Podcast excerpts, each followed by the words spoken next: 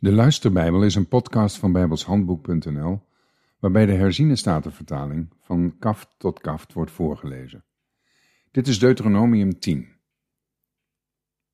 In die tijd zei de Heere tegen mij, hou twee stenen tafelen voor u uit, net als de eerste, en klim de berg op naar mij toe.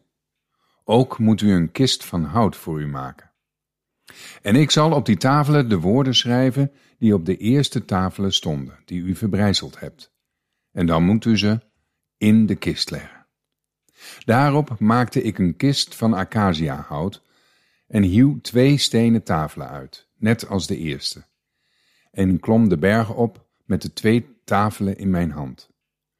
Toen schreef hij op de tafelen overeenkomstig de eerste tekst, de tien woorden die de Heere tot u gesproken had op de berg, vanuit het midden van het vuur, op de dag dat u daar bijeenkwam, en de Heere gaf ze aan mij.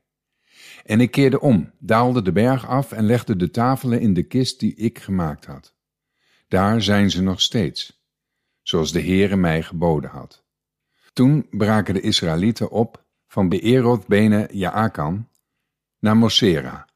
Daar stierf Aaron en daar werd hij begraven, en zijn zoon Eleazar diende als priester in zijn plaats.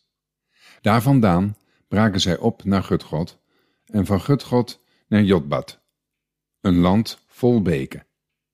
In die tijd zonder de Heere de stam Levi af om de ark van het verbond van de Heere te dragen. Om voor het aangezicht van de Heere te staan, om hem te dienen en om in zijn naam te zegenen. Tot op deze dag. Daarom heeft Levi geen aandeel of erfelijk bezit met zijn broeders. De Heere zelf is zijn erfelijk bezit, zoals de Heere uw God tot hem gesproken heeft. Ik stond dus op de berg, net als de vorige dagen, veertig dagen en veertig nachten. De Heere verhoorde mij ook deze keer. De Heere wilde u niet te gronde richten.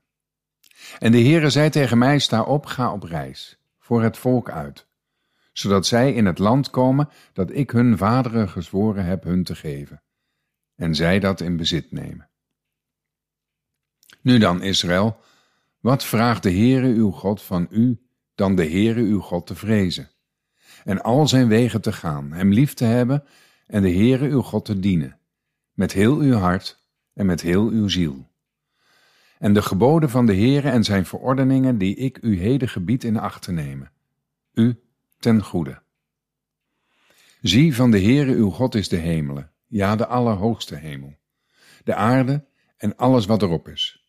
Maar alleen voor uw vaderen heeft de Heere liefde opgevat om hen lief te hebben. En hij heeft hun nageslacht na hen, u, uit al de volken verkozen, zodat het heden ten dagen nog is. Besnijd dan de vooruit van uw hart, en wees niet langer halsstarrig.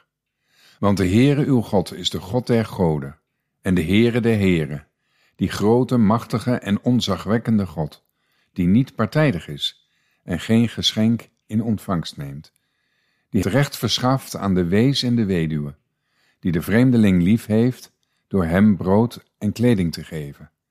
Daarom moet u de vreemdeling lief hebben, want u bent zelf vreemdeling geweest in het land Egypte.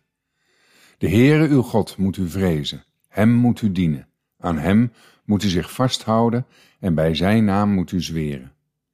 Hij is uw lof en hij is uw God, die bij u deze grote en onzagwekkende dingen gedaan heeft, die uw ogen gezien hebben. Met zeventig zielen trokken uw vaderen naar Egypte.